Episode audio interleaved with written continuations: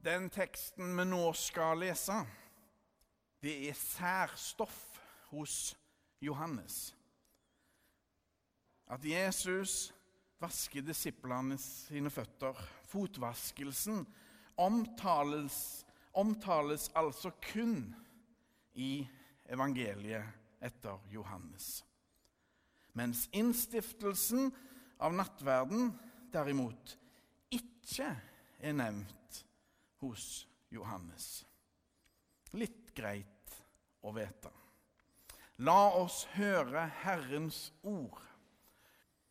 Det var like før påskehøytiden, og Jesus visste at hans time var kommet da han skulle gå bort fra denne verden og til sin far.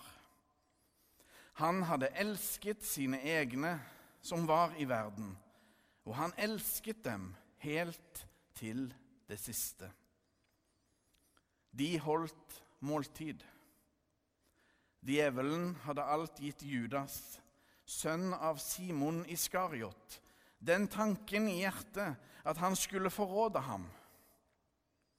Jesus visste at far hadde gitt alt i hans hånd, og at han var utgått fra Gud og gikk til Gud. Da reiser han seg fra måltidet, legger av seg kappen, tar et linklede og binder det om seg. Så heller han vann i et fat og begynner å vaske disiplenes føtter og tørke dem med linkledet som han hadde rundt livet. Han kommer til Simon Peter. Peter sier, 'Herre, vasker du mine føtter?' Jesus svarte, 'Det jeg gjør, forstår du ikke nå, men du skal forstå det siden.' Aldri i evighet skal du vaske føttene mine, sier Peter.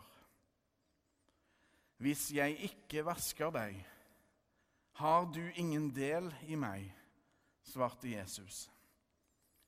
Da sier Peter, Herre, ikke bare føttene, men hendene og hodet også.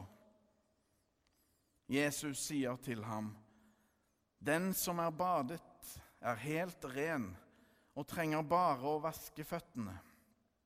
Dere er rene, men ikke alle. For han visste hvem som skulle forråde ham. Derfor sa han, dere er ikke alle rene. Da han hadde vasket føttene deres og tatt på seg kappen, tok han plass ved bordet igjen. Så sa han til dem, Forstår dere hva jeg har gjort for dere? Dere kaller meg mester og herre, og dere gjør det med rette, for jeg er det. Når jeg som er Herren og Mesteren, har vasket deres føtter, da skylder også dere å vaske hverandres føtter.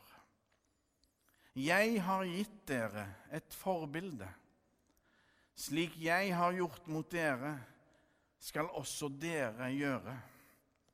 Sannelig, sannelig, jeg sier dere, tjeneren er ikke større enn Herren sin, og utsendingen er ikke større enn Han som har sendt ham.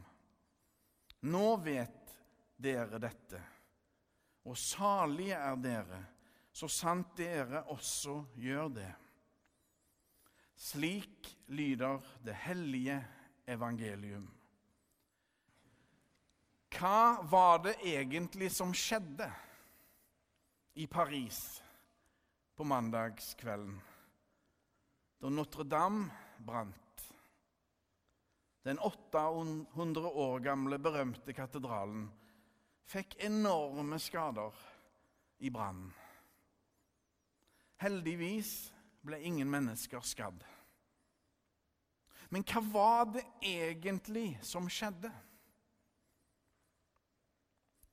Var det kristenarven i Europa tatt som en selvfølge som fikk seg en støkker. Er selvfølgen faktisk ikke en selvfølge? Den kristne tro, som har vært majoritetstro i Europa så lenge, stikker den faktisk dypere i oss enn vi aner? Kanskje det. Jeg tror det, og jeg håper det. Så er de samla til påskemåltid torsdagen før påske. På mange måter er de en litt ynkelige forsamling, disse tolv. For eksempel Peter, stor i ord, liten på jord. Han som skal komme til å fornekte sin herre og mester tre ganger. Og så har vi Thomas, han som tvilte. Og så har vi Judas, svikeren.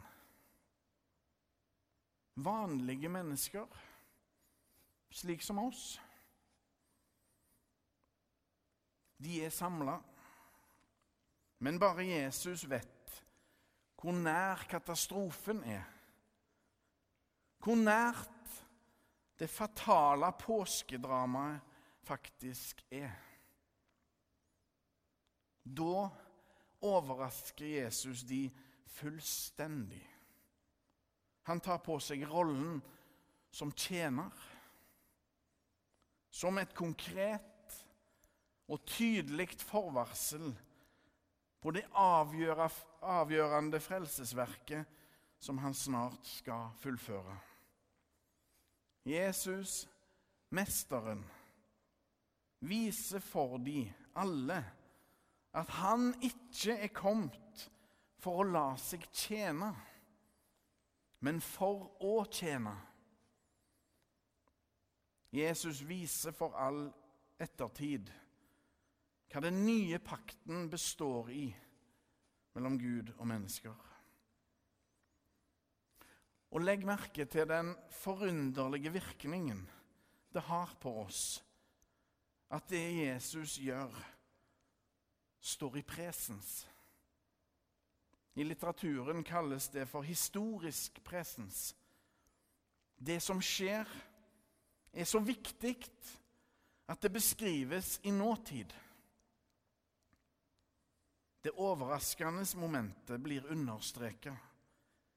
Historisk presens er virkningsfullt. Det ligger noe tidløst i det, noe evigt. Slik Jesus er, er Gud. Han som gjennom hele sin gjerning sier 'Jeg er'. Jeg er verdens lys. Jeg er livets brød. Jeg er livets vann. Jeg er veien, sannheten og livet. Jeg er Og så videre og så videre. Og så er det akkurat det navnet Gud gir seg sjøl når han viser seg for Moses i den brennende brennende tornebusken. Jeg er. Altså bruker det Jesus det helt bevisst som en tydeliggjøring av hvem Jesus virkelig er. Guds sønn. En katedral er en vakker bygning, men faktisk noe mer enn det. Tenk på all den tro og menneskelig lengsel etter Gud som Notre-Dame-katedralen representerer. Den storhet kan gi oss et lite glimt av Guds storhet.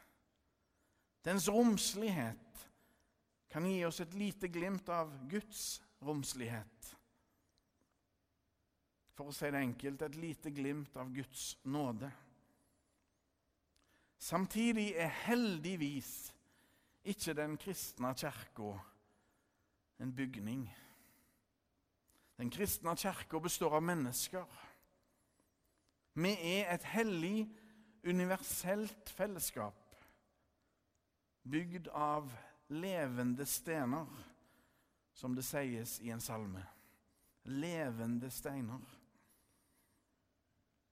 Vår trosarv er hellig og tidløs. Vi bærer den som en skatt, denne arven, videre til nye mennesker, videre til nye generasjoner. Notre-Dame-katedralen er vakker, ja. Navnet betyr Vår Dame eller Vår Frue. Mariakirka ville vi kanskje ha kalt den på norsk. Maria, hun som fødte Gud inn i verden. I Jesus gikk Gud inn i våre kår via Maria, ei fromme og gode kvinne.